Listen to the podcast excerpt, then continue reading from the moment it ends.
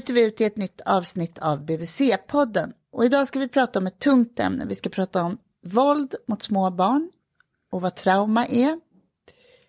Jag heter Malin Bergström och är barnhälsovårdspsykolog. Och idag träffar jag... Björn Tingberg. Hej Björn, jag Hej. träffar dig igen. Mm. Trevligt att vara tillbaks. Du, du har skrivit en ny bok som heter... Eh, våld mot små barn, fysiskt våld, sexuella övergrepp och försummelse. Och nu när jag har läst den här boken Mm. tänker jag så här, Björn, hur mår du egentligen? Nej, men vi har sett flera gånger här i podden och jag vet att, att det har faktiskt varit uppskattat. Vi har pratat om tunga ämnen, sist tror jag att det var försummelse. Och du har skrivit flera böcker kring det här. Hur, hur är det? Den här boken är tung, liksom. Du går igenom ja, vad barn råkar ut för. Mm. Jag tycker nog, jag håller lite med där om att den här boken var kanske svårare än, än eh, försummelserapporten till exempel.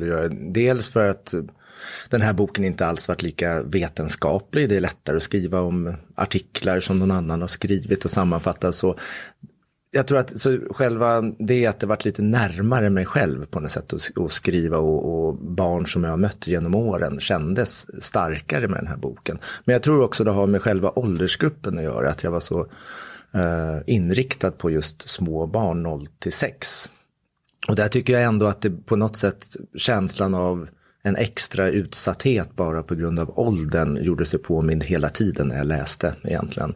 Och hur skyddslösa den här gruppen barn är. Eh, Så att ja, den var jobbig att, att, att skriva på det sättet. Sen har jag ändå tänkt att just genom att skriva den så kan man också förändra kanske situationen för en mängd små barn. Så att det är liksom lite hoppingivande också mitt i allt det där, måste jag ändå säga. Det var skönt att höra för mig som psykolog. du, Björn, du går igenom alltså vad barn råkar ut för, olika typer av våld som barn utsätts, utsätts för och så. Men jag undrar över det här med begreppet trauma. Hur ska vi förstå det när det gäller de här små barnen? Eh, ja, hur lider barn? Hur påverkas de? Vad är liksom kärnan i, i barnets, vad som drabbar barnet? Jag tror faktiskt att man ska tänka här eh, mera utvecklingstrauma mer än enstaka händelser. För det är det jag tycker. Och som jag ser i mitt jobb också att det spelar mycket större roll för barnets fortsatta utveckling och fortsatta hälsa eller ohälsa liksom senare i livet. Jag tycker barn, precis som vuxna också i och för sig, men barn har också en rätt stor förmåga att ta sig igenom enstaka händelser, alltså det som vi ibland kallar för trauma 1. Alltså de klarar av en olyckshändelse, de klarar av att åka till sjukhuset och, och få ett, sytt, eller ett sår sytt utan att de vill det och, och kanske till och med blir fasthållna. Så det, går, att- det klarar barn, eh, med, med stöd från vuxna förstås också, på väldigt många sätt. Men det som jag främst kanske beskriver i den här boken, det är ju mera långtgående, nästan småputtrande trauman på något sätt, eh, som aldrig tar slut ur barnets perspektiv. Och det är det tror jag, alltså det som är trauma 2. Eh, och det tror jag är väldigt, väldigt mycket mer allvarligt, eller det vet vi ju allvarligare, för att det får sådana konsekvenser på en mängd olika nivåer. Är det det som du kallar för utvecklingstrauma? Mm, för jag tänker att det också ger effekter på hela utvecklingskedjan sen också. Och vad betyder det? Vad är det här med trauma 2 och så? Vad, vad innebär det? Kan du ge något exempel?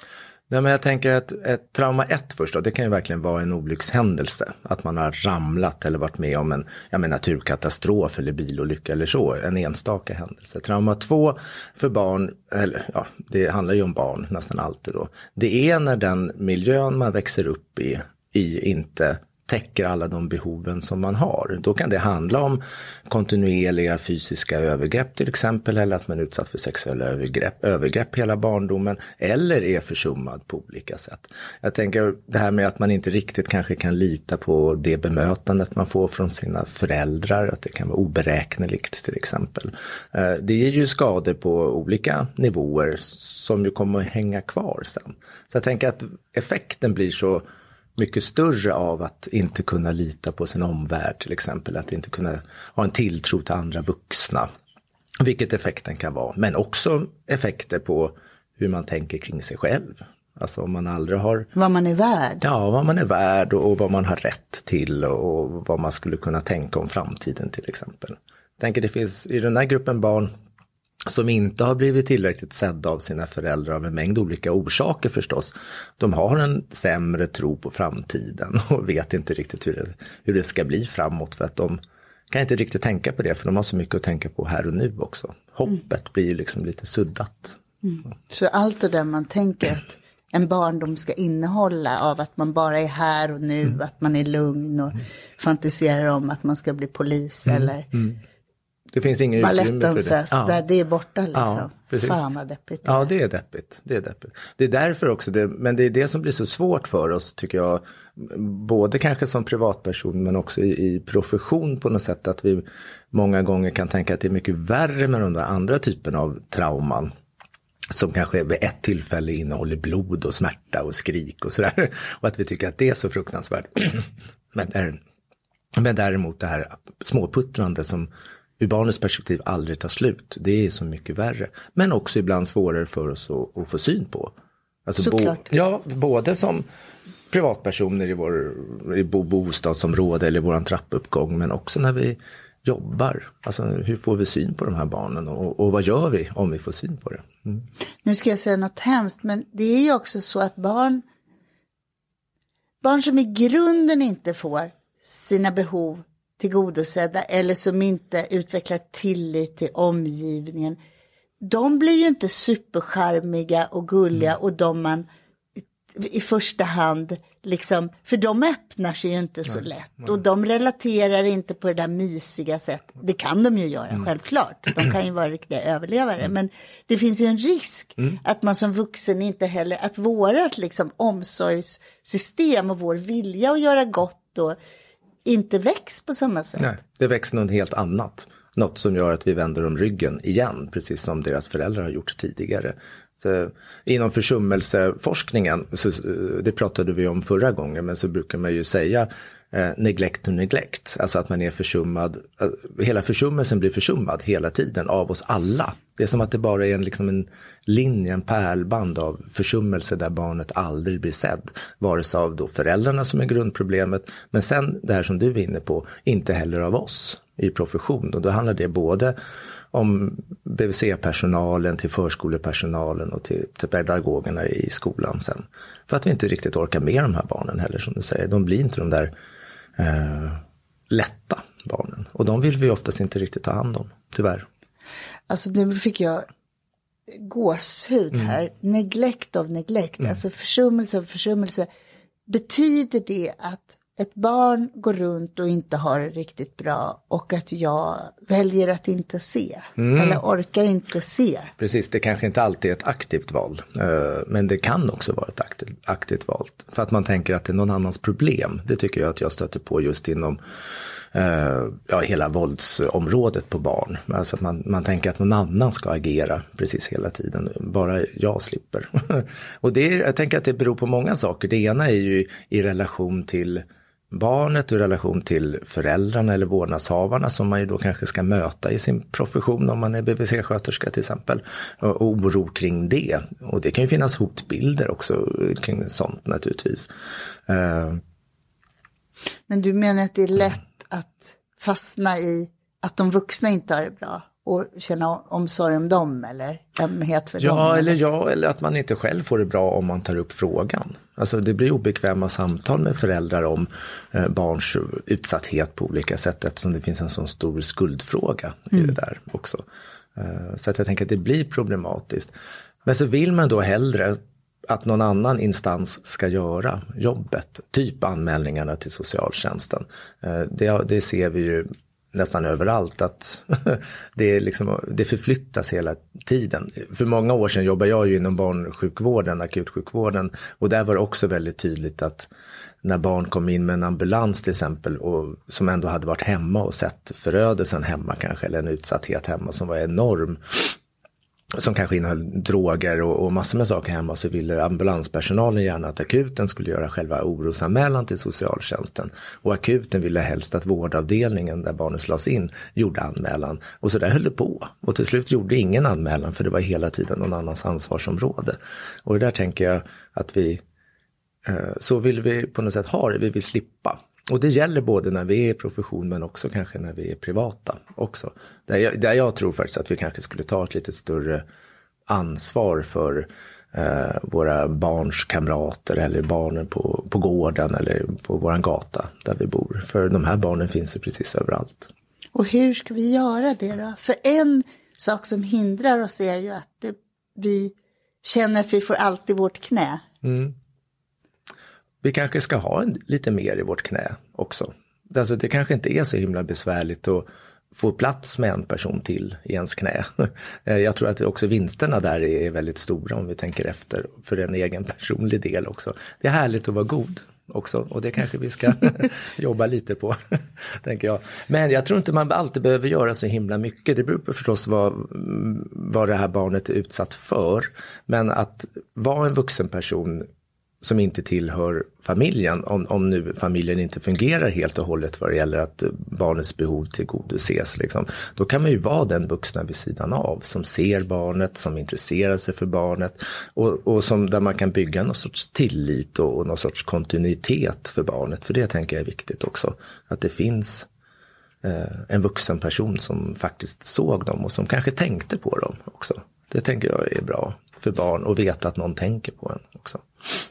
Vad, vad betyder det att se ett barn? Mm. Betyder det att, att säga till barn att jag, jag ser att jag mm. fattar att det inte blev så mycket mat idag, mm. här får du lite mat. Eller är det att prata om det som är mm. svårt för barnet? Eller hur, hur ser man ett barn? Det där kan ju vara en svår balansgång emellanåt förstås, för barn värjer sig också lite grann, tänker jag, från att och, och berätta hur de har det hemma till exempel, eller och, finnas i sin egen utsatthet, för det är också jobbigt för ett barn. Men jag tror nog att man ändå ska vara en person som barnet kan förstå att det går att prata med. Och det betyder ju att man vid några tillfällen i alla fall behöver eh, på något sätt bekräfta för barnet att man vet något. Jag ser att det är jobbigt, jag hörde att mamma skrek på dig i morse. Alltså massa sådana där små kommentarer som ändå på något sätt kommer göra att barnet inte behöver bli så orolig för att ta upp saker för att det redan finns. Sen är det där, sen kan man ju inte tänka att man bara Alltså det där är en balansgång också till när man ska agera lite mera storslaget på något sätt med en anmälan till socialtjänsten till exempel. Vi har ju inga tvång att göra det om vi är en granne. Men, men ibland så tänker jag att vi har ett samhällssystem som ändå är byggt på att när föräldrar sviktar så ska samhället gå in med hjälp och stöd. Eh, och det tycker jag vi ska utnyttja i större utsträckning också. Men man kan vara med i den processen med, om man har bra kontakt med de här grannarna till exempel, då kan man ju gemensamt göra en ansökan till socialtjänsten. Men jag tror vi inte ska behöva vara så rädda för det egentligen. För de flesta människorna som jag träffar, de vill ha hjälp när man väl pratar om det. Det är bara den där transportsträckan till att fatta. Ibland som är, är det svåra. Så man kan vara en bra vuxen även för de där föräldrarna som brister, tänker jag. Utan att det behöver bli så himla hotfullt alltid. Men du, det här med ett barn, om ett barn går runt och inte har det riktigt bra och det är väldigt, säg att det är mycket bråk hemma och att barnet ja, går runt och är rädd mm. och det finns inte energi till barnet eller ett barn, man orkar inte se barnet hemma. Hur, är det inte så att barn också skyddar det där? Att mm. barn Alltså de har det som de har, de har ingen aning om hur det skulle kunna vara istället. Jag tycker många berättar så här, gud jag var hemma hos någon och käkade middag och mm. märkte att gud, här sitter man och pratar mm. runt bordet, man får mat och ingen bråkar eller liksom smäller näven i bordet. Precis. Nej, det är svårt för barn att veta hur de har det när de inte får se andra miljöer på något sätt. Men det är, då tänker jag igen på det där att man kanske ska få plats med en till i sitt knä. För att genom att ha dem hemma på middag och bjuda in de där barnen på något sätt i, sitt hem på ett eller annat sätt så kommer ju barnen också upptäcka att det finns andra sätt att ha en vardag på. Och, och det är någonstans att börja också på något sätt. Uh, och då menar jag att det inte behöver vara så himla stort. Det är inte så att man behöver vara kontrakterad helgförälder eller massa sådana där saker. Det handlar mer om, jag är mer ute efter också vardagliga saker. Uh, som ändå är viktiga för barnen. Ehm, och jag vet inte, det är ju diffust det där med att säga att man ser dem.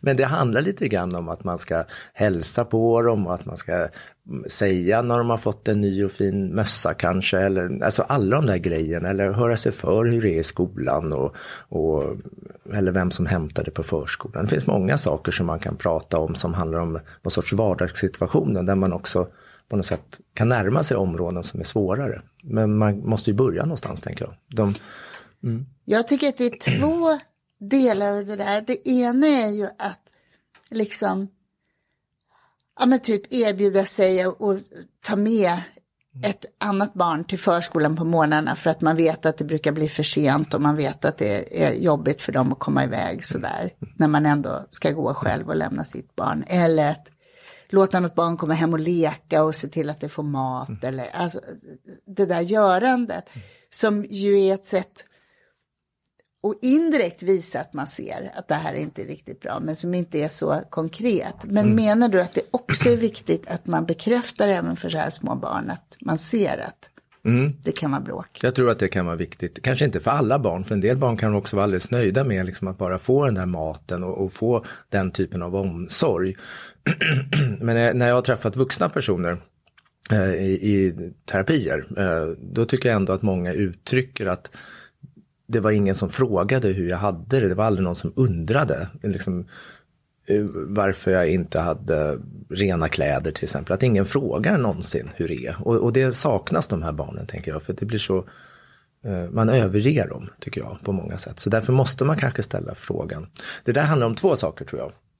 Nu när vi kommer på nu. Jag tänker så att det handlar både om att man måste hjälpa barnet och inte själv känna att man att barnet avslöjar sin situation. Så genom att fråga så delar man på ansvaret kring det. Alltså att barnet inte själv måste hoppa från trampolinen själv och säga så här har jag det. Liksom.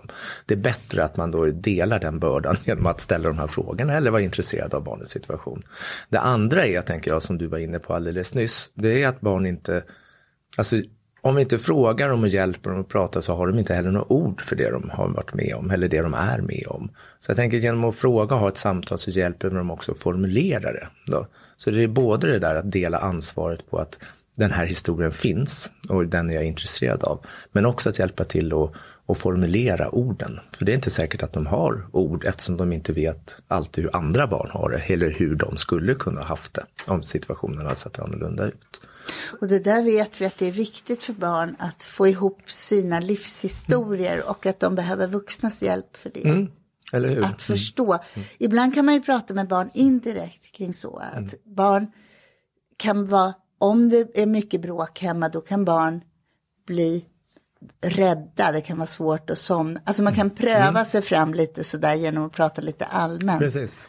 Ja, det, ja, precis. det tror jag är viktigt också. Man behöver inte gå in, alltså frågorna så här, slår din pappa dig? Den kanske inte är den första frågan man ska ställa för att då kommer barnet troligtvis säga nej, för det blir för hotfullt och för läskigt. Så det är därför jag tänker man ska börja med att vara den där braiga vuxna som finns där och, och, som går att lita på. Eh, så det är väl lite trappstegs metod man måste ha ändå. Eh, annars så tror jag barnen skulle säga nej också, det blir för läskigt. Då.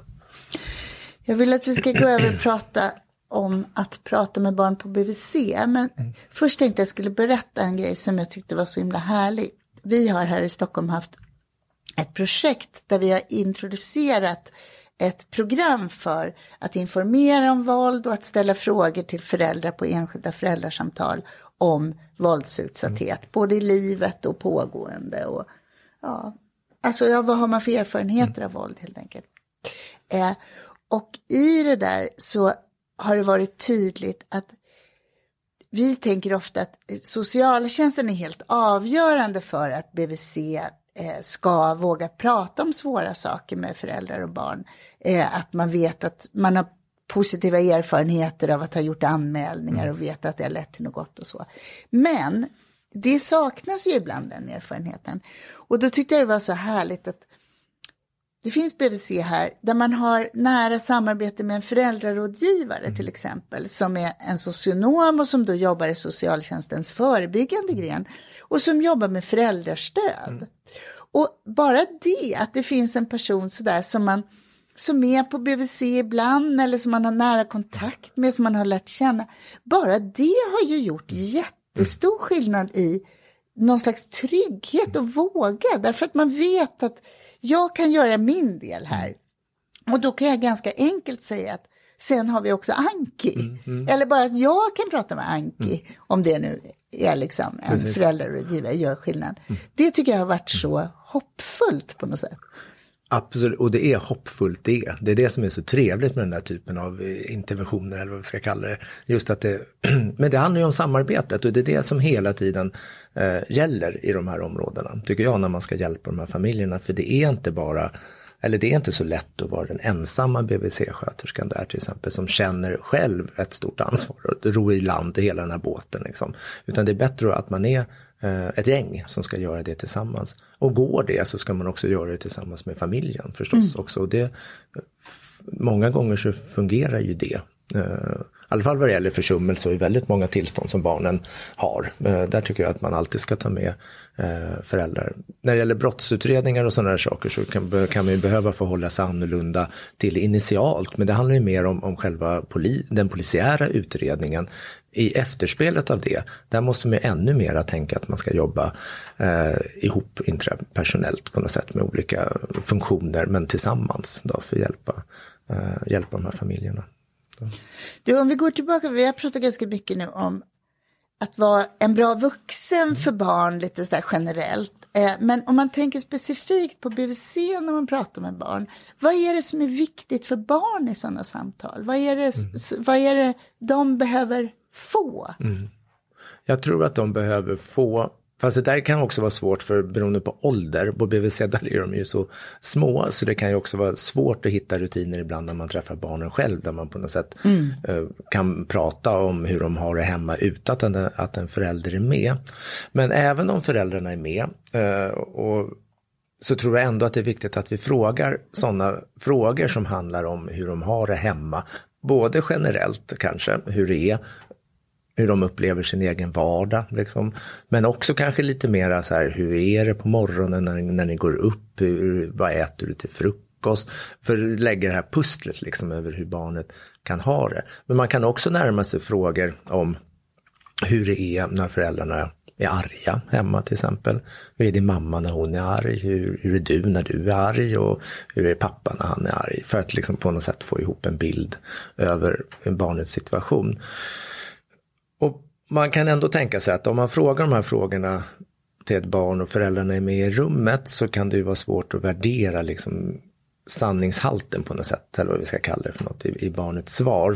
För, jag tänker att ett barn inte säger att mamma slår mig om, hon, om barnet sitter i mammas knä om det är en treåring. Liksom det, det är svårt för barnen att göra det även i den åldern. Men däremot så det barnet lär sig lite grann det är att det finns vuxna personer runt omkring som verkar i alla fall vara intresserade av hur man har det hemma.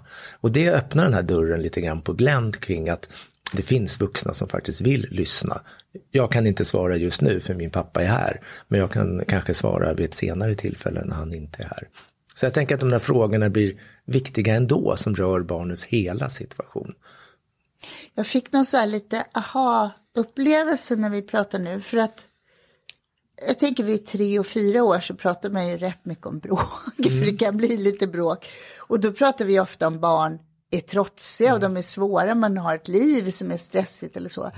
Men vi har, eh, jag ska inte tala för andra, jag tänker att min ingång i det där är ofta att man liksom tänker att man pratar med föräldern om hur den orkar med och så, men väldigt sällan med barnet. Man är snarare försiktig med att barnet inte ska känna sig utpekat eller att barnet är en bråkig. Men det är, egentligen är det ganska lätt att glida över som du säger till att fråga barnet. Ja, nu blir det ganska mycket bråk hemma, hur blir det för dig? Precis. Och, och finns det redan diskussion om det i rummet på något sätt fast man vänder sig till de vuxna då är det ju som sagt inte så svårt att vända sig till barnet kring det heller, hur det blir för barnet när det är sådär. För det är väl kanske det som ändå blir det viktiga och där vi också kan få en bild över barnets egna upplevelse av sin utsatthet. För föräldrarna, det vet vi ju alltid vad det gäller barns utsatthet, att föräldrar förminskar den tanken på impact som barnet får på deras egna beteenden. och att barnen oftast reagerar mycket mer på, på, på saker och ting än vad föräldrarna tror. Så det är vettigt att fråga barnen där utan att det ska bli liksom någon sorts förhör. För jag tänker mm. det där är ju ett samtal. och det, jag tänker man alltid ska inkludera barn i den där typen av samtal. Framförallt om de är i rummet. Så mm. blir det jättekonstigt om inte barnen också får den frågan. Genom att de får frågan då räknas de ju också. Och det tror jag är viktigt för framförallt utsatta barn för deras, en av deras grundläggande känslor är ju att de inte räknas. Eftersom ingen tar hänsyn till dem någonsin. Mm. Så att bara genom att finnas där och titta på dem och fråga frågor så kommer de ju också känna att de betyder någonting. Jag tror att det är på den nivån till och med för en del barn. Jag är fortfarande mm. gripen av det här uttrycket försummelse och försummelse. Ja, jag tyckte ja. det var så. Men det, det, det är ju så sorgligt också att det är så. Och att det som du sa förut också, att vi, det är inte de här barnen vi tycker mest om heller. Utan vi vill skjutsa dem någon annanstans då, hela tiden. Mm. Mm. Man kanske ska vara snäll mot sig själv och tänka att det också är en det verkar nästan som en ryggmärgsreflex mm. att backa från mm. sånt här som är mm. obehagligt mm. liksom. Visst. Ja. Och ja, jag håller med dig där att det är precis så. Och, och på något sätt så kan, man, kan jag bättre förstå det vad det gäller eh, det här med att, att, få plats med ett barn till i sitt knä i sin hemmiljö på något sätt. Att det blir himla struligt att ha de här barnen hemma eh, till Bolibompa varenda kväll. Mm. liksom för att de stör ens ordning på något sätt. Och, och, det kanske man måste reglera också för att klara sig själv som familj. Alltså det, det, då måste man ju också vara snäll mot sig själv. Mm. Men som i profession så tänker jag att vi inte kan hålla på att värja oss hela tiden för det. För för mig är det något helt annat, utan där ska vi ha en, en en förmåga och en eh, strategi för att klara av att möta just de här barnen och inte skjutsa dem vidare. Liksom, jag tänker att det är, ett, det är ett uppdrag som vi har. Du sa till mig eh, någon gång när vi pratade att du hade sett någon rapport, eller, alltså i hur låg utsträckning, även vi som jobbar med barn som har det jobbigt, mm. alltså inte bara på BVC, men att vi, vi kan till exempel jobba på BUP och ha en kontakt med en familj där det blir mycket bråk eller svårigheter och aldrig prata med barn. Mm. Precis, det är jätte, jättemärkligt. Uh, och det där är ju bara en perspektivfråga. Uh, och det är ju konstigt, man kan ju tycka att det är konstigt att en organisation som BUP, barn och ungdomspsykiatrin, inte är mera centrerade på barn, utan är mer centrerade på vuxna och familjstruktur. Eh, jag tänker BVC är, har ju också en tendens ibland kanske att gå mot en mer familjestruktur struktur i, i sitt liksom, i hälsoarbetet. Men jag tror man måste tillbaka lite till liksom barn, barnperspektivet som ett eget perspektiv. Då. Sen ska familj finnas också för barnen ingår i familjen på något sätt. Men, men det där att tappa barnet perspektiv eller i sitt eget perspektiv på barnet genom att tänka på föräldrarna, det, då vet vi att förlorarna där, det är barnen. Då. Eh, de förlorar på det perspektivet. Vi kommer inte se barnen lika mycket, vi kommer inte inkludera dem lika mycket. Eh, det var jättetydligt när vi skrev den här försummelserapporten också men de eh, lite mer kända försummelseforskarna pratar om det här perspektivet jätte, jättemycket och, och hur, hur fel vi går om vi har ett föräldraperspektiv. Av den orsaken att vi är vuxna själva eh, och vi förstår så himla mycket då. Men och istället borde vi utgå från barnens behov. Då. Så det är verkligen ett budskap mm. att, att sätta oss i barnets skor ja. och att, mm. att ha barnet först på något sätt. Ja. Att vi kan behöva påminna oss om det. Och... Absolut, och det ingår ju också att prata med barn. Mm. Äh, faktiskt, och inte bara tänka att vi förstår barnen. Utan vi måste också fråga, eftersom vi inte kan vara i deras skor. Det går ju inte för de står i deras skor. Så därför måste vi fråga dem hur det är att stå i de där skorna. Mm. Mm.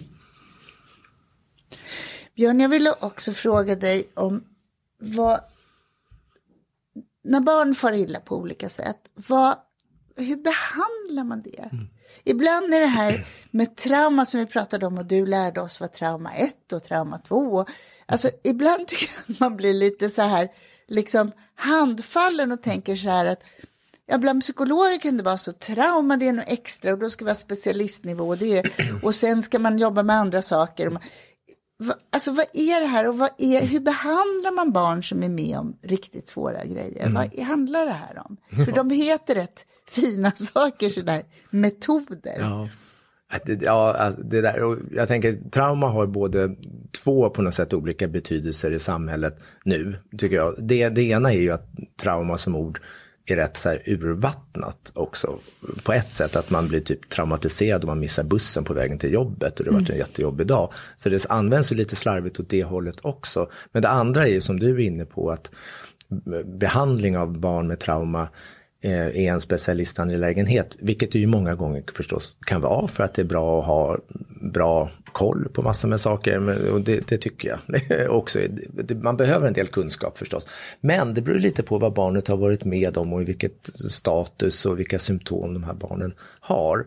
För att möta barn som är traumatiserade, alltså om vi nu tänker mera eh, långvarigt traumatiserade, de behöver ju en mängd olika vuxna runt omkring sig som bara finns där. Och bara det är ju en tillräckligt bra Eh, behandling också, tänker jag. Eh, det, det, jag vet inte hur mycket vi förut har pratat om traumamedveten omsorg till exempel, som ju är ett mer det är inte en egen metod på något sätt, men det är ett sätt att tänka kring traumatiserade barn som utgår mera från att alla vi människor egentligen och framförallt vi i, i professionen kan möta de här barnen. Vi är fullständigt kompetenta att ta hand om dem på ett bra sätt utifrån våra egna arbetsplatser och våra egna rutiner. Och att det inte alltid behövs en jätteregelrätt traumabehandling för det är väldigt få barn som får det. Ja. Och jag tycker det blir tydligt också just eh, på den här åldersgruppen barn 0 till 6 år.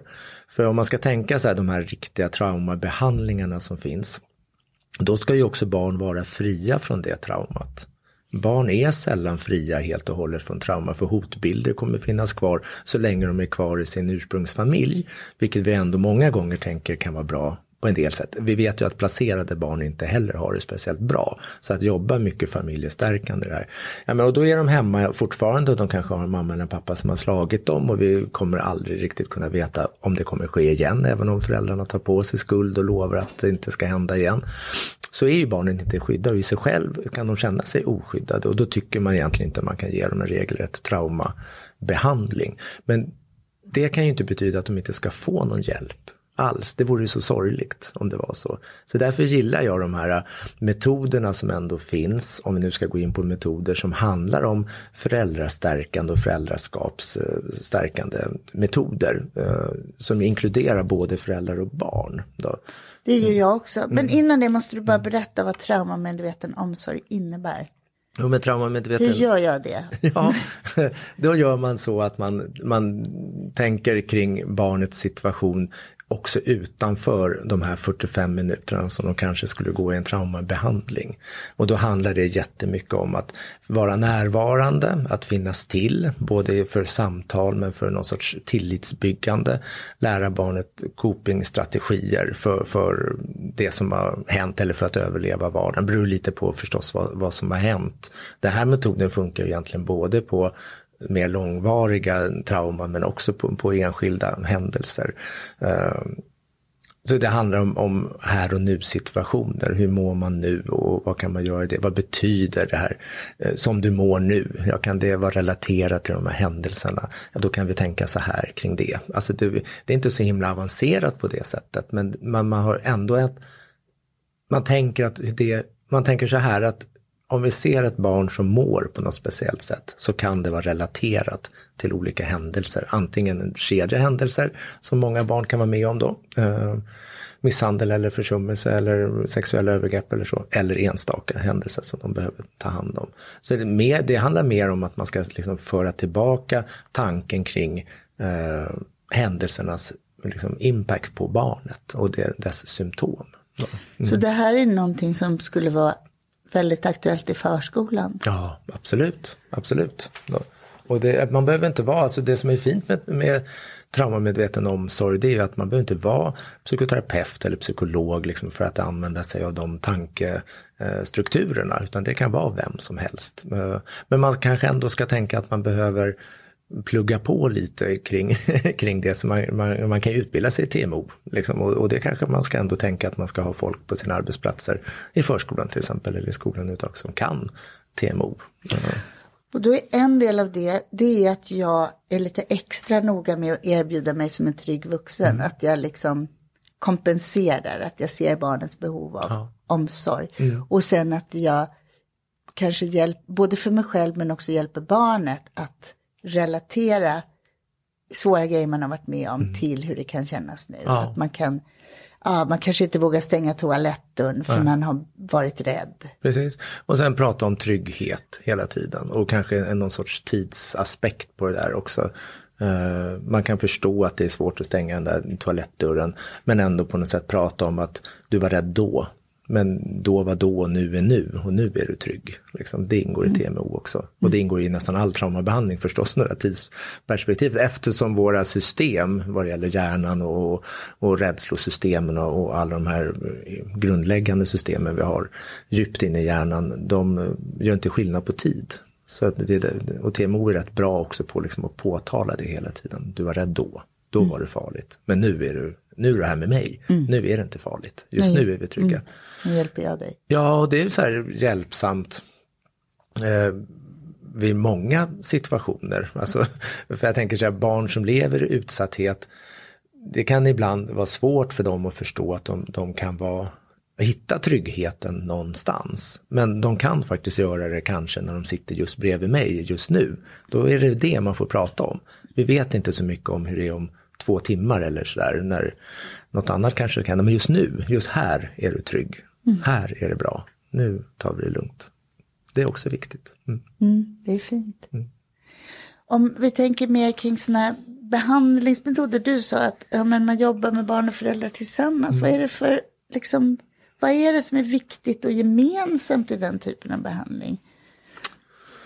Jag tänker att det handlar om relationen förstås och samspelet mellan föräldrarna och barnet. Där barnet kanske ibland behöver också ta en lite större plats än vad det har gjort förut. Men det där handlar ju också jättemycket om föräldrarnas egen tro på sitt eget föräldraskap, vilket de oftast inte gör i så stor utsträckning. För de har också tyckt att de misslyckas. Så jag tänker att man, man bygger de här behandlingsmodellerna på eh, det som är bra i föräldraskapet och utgå från det. Men att också utveckla det. Hur gör man för att vara mer delaktig i sitt barns vardag till exempel? Då kanske man behöver öva på det. Liksom, eh, och det kan vara så här korta sekvenser. Man, man kanske får i uppgift i sin terapi att man ska spela Fia med knuff en kvart fullständigt närvarande. Och prata hela tiden om hur närvarande, alltså för sig själv också, hur närvarande man är. För att liksom utöka det lite senare till längre perioder. Men, men man behöver också öva på närvaro och det tänker jag att de här familjerna behöver jättemycket och sina egna förmågor. Och då tycker inte jag, som jag kan, jag är inte specialistutbildad på några av de här metoderna men, men, men jag, vad jag fattar av dem så handlar det ju väldigt mycket om också förälderns tro på sina förmågor. Och där måste vi hjälpa till. Man ska tänka att många som hamnar i behandling, de har gått från att vara betraktade som dåliga föräldrar, som misslyckade föräldrar som inte har kunnat ta hand om sina barn. Så vi har ju liksom på något sätt också sagt det till dem eh, från samhällets sida. Eh, och, och, då behöver vi vända den där skutan lite grann och säga att de kvaliteter de har, de är bra. Nu ska vi bygga vidare på det här. Eh, men ihop med barnet, för jag tänker att det är många föräldrar som har utsatt sina barn eh, kanske framförallt för våld, eh, de behöver också få ett perspektiv på hur det har varit för barnet att vara utsatt på det här sättet. Så jag tänker det handlar om föräldraskapet och samspelet, att förstå hur barnet uppfattar mig när jag är arg till exempel. Varför blir barnet så rädd? Hur kan vi sätta ihop det? Mentalisering handlar det jättemycket om. Mm. Jag tycker också att det här med närvaro och spela Fia med knuff en kvart, mm det är ju som en förutsättning för att man ska kunna vara lyhörd för barnet, det vill Mm. säga ta barnets perspektiv och leva sig in i barnet. Och det är ju sorgligt på ett sätt att man inte kan gå direkt på det. Mm. Men man måste börja med, och det låter ju som att mycket av det här handlar om att lugna nervsystem. Ja. Att kunna liksom skapa en situation där vi har lite kul och snackar och tränar på det utan att det liksom börjar fara i kroppen så här, utan att jag bara försöker vara här och nu utan att överösas med känslor av att jag är en sopa och inte värd det här eller att barnet ska vara Precis. livrädd liksom. Och där man får lära sig att det är just den här kvarten med Fia med knuff som gäller just nu. Det gäller ingenting annat. För det är inte heller säkert att barnet klarar av en längre tid heller med föräldern. För det där är ju en struktur som de har gemensamt också. Eh, Men där på något sätt eh, föräldern ändå måste ta ansvar till förändringen. Men, men eh, det är jätteverkningsfullt. Liksom, Ja, jag gillar det där med att jobba på något sätt med den där totala närvaron. Då. Mm. Och öva på det, det är inte så himla lätt. ju. Så det kan man behöva öva på. När du gör det så här tydligt, då förstår man också hur, ja, men hur svårt det har varit för dem. När man behöver öva på den här nivån. Man tänker att väldigt många barn ändå, eh, ja, att man kan komma ganska långt med om vuxna i barns vardag eh, orkar se att de har varit med om något jobbigt och orkar finnas där och säga att nu, nu är jag här med dig så du kan vara lugn. Precis. Jag tänker också det är fint med många av de här metoderna som har kommit de senaste åren som inte bara handlar om att man ska vara alltså, psykolog eller psykoterapeut för att göra dem och att man behöver specialutbildning. Som TMO behöver man ju inte vara det till exempel. Det finns flera olika sådana där som eh, är mer inriktade på våld till exempel eller på annan typ där man inte behöver vara så här hyperspecialistutbildad utan att det kan vara Alltså socialtjänsten kan ha de uppdragen och, och jag tycker att det är bra för det behövs liksom breddas det där också. För att barn, flera barn ska ha möjlighet att få hjälp. Ja. Jag tycker det är fint. För som du sa förut också, jag menar barn lever ju sin vardag. det, är liksom, det är det som är 24-7. och Mm. Eller det, hur? Mm. det är där vi kan, inte på BUC, vi finns ju ganska lite i barns liv. Vår uppgift blir ju att se och Mm. ta vidare. Ja, tidsmässigt finns ju ni rätt lite på det sättet. Men om man skulle tänka på vad, vad jag hör från föräldrar i alla fall så är ju BVC-personal enormt viktig. Så att även om det inte är så många timmar kanske eller minuter så känns det som att BVC är väldigt viktiga som, på olika nivåer som rollmodeller eller och synsätt på barn till exempel. Så det ska ni vara stolta över. Mm, det är väldigt fint. Björn, jag vill avrunda den här podden med en lite konstig fråga som hänger kvar. Som kommer från din bok. Och det är, alltså du skriver om våld mot barn och så tar du upp sådana enskilda situationer. Till exempel tar du upp omskärelse Ja. och flickor och pojkar. Och så här. Jag vill bara liksom få det här att landa i mig. Vad, för du och jag är ju lite lika. Det är kanske är synd att vi tänker mer på de här barnen som har det lite halvdåligt i vardagen och är med om lite små jobbiga grejer alldeles för ofta. Men du har ju också skrivit nu om sådana speciella grejer. Du har skrivit om skelettskador, du har skrivit om omskärelse, du har skrivit om sexuella övergrepp. Och det där är tack och lov mer ovanligt. Men ändå, jag vill bara fånga upp hur det där kan påverka barn och hur man ska tänka kring det eh, som våld. Precis, jag tänker att anledningen till att sexuella övergrepp finns med det, det är ju förstås för att det finns. Det är inte så vanligt men det finns även i den här åldersgruppen. Så på det sättet blir det ju viktigt att det finns med. Sen när jag skrev så, så liksom satt jag och funderade också på vilka liksom grupper barn jag ville belysa också och som låg lite utanför men jag kommer ju från sjukvården från början så att skelettskador och så har funnits med i, i boken. Det är, inte, alltså det är något som jag har jobbat väldigt mycket med.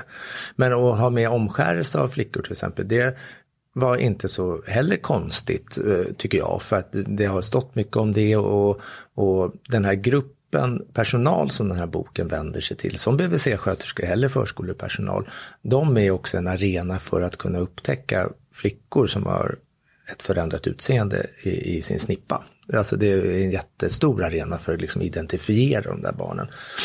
Och när jag väl hade skrivit det kapitlet så började jag fundera på också omskärelse av pojkar. Mera kanske ur eller egentligen på samma grund skulle jag säga, men då handlar det mer om eh, barns rättigheter till sina egna kroppar, att själva kunna få göra beslut kring, kring eh, vad man ska göra för ingrepp på dem.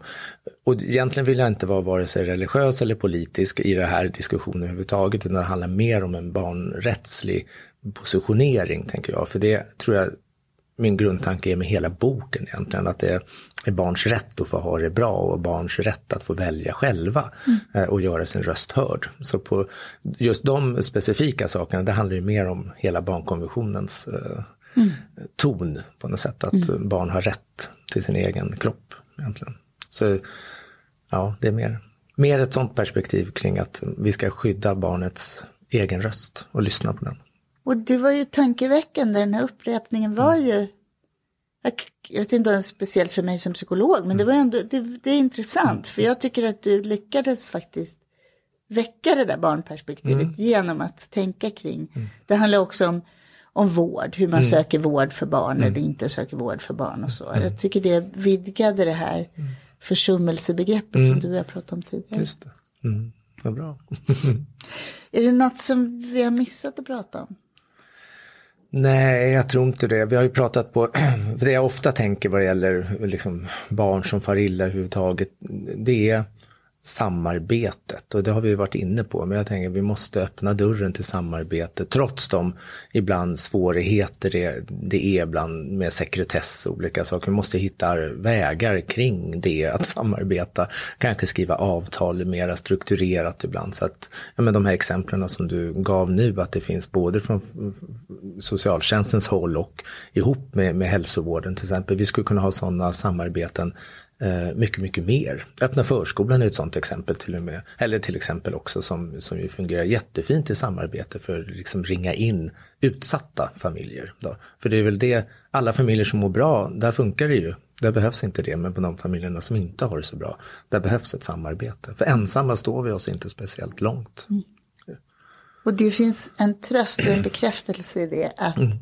att vi behöver varandra Precis. när saker är jobbiga. Precis. Mm. Då bryter vi ut från det här avsnittet så tackar jag dig Björn. Mm, tack för att jag fick komma.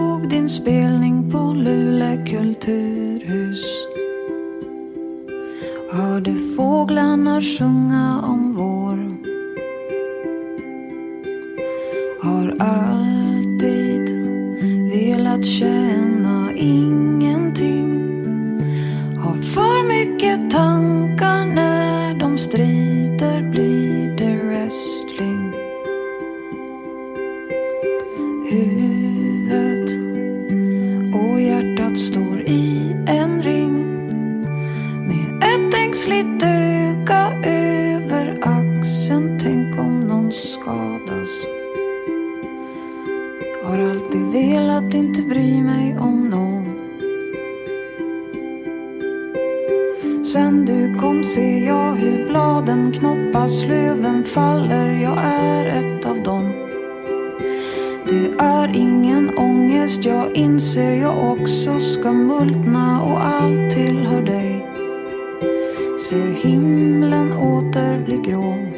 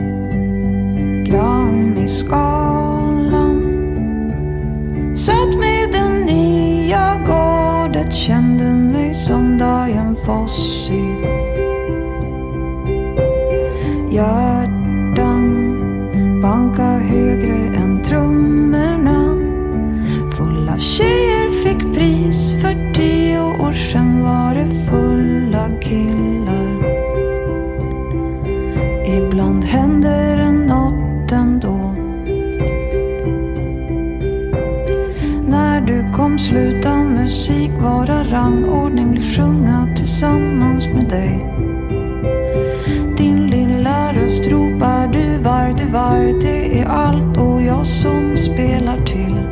Och jag förstår musik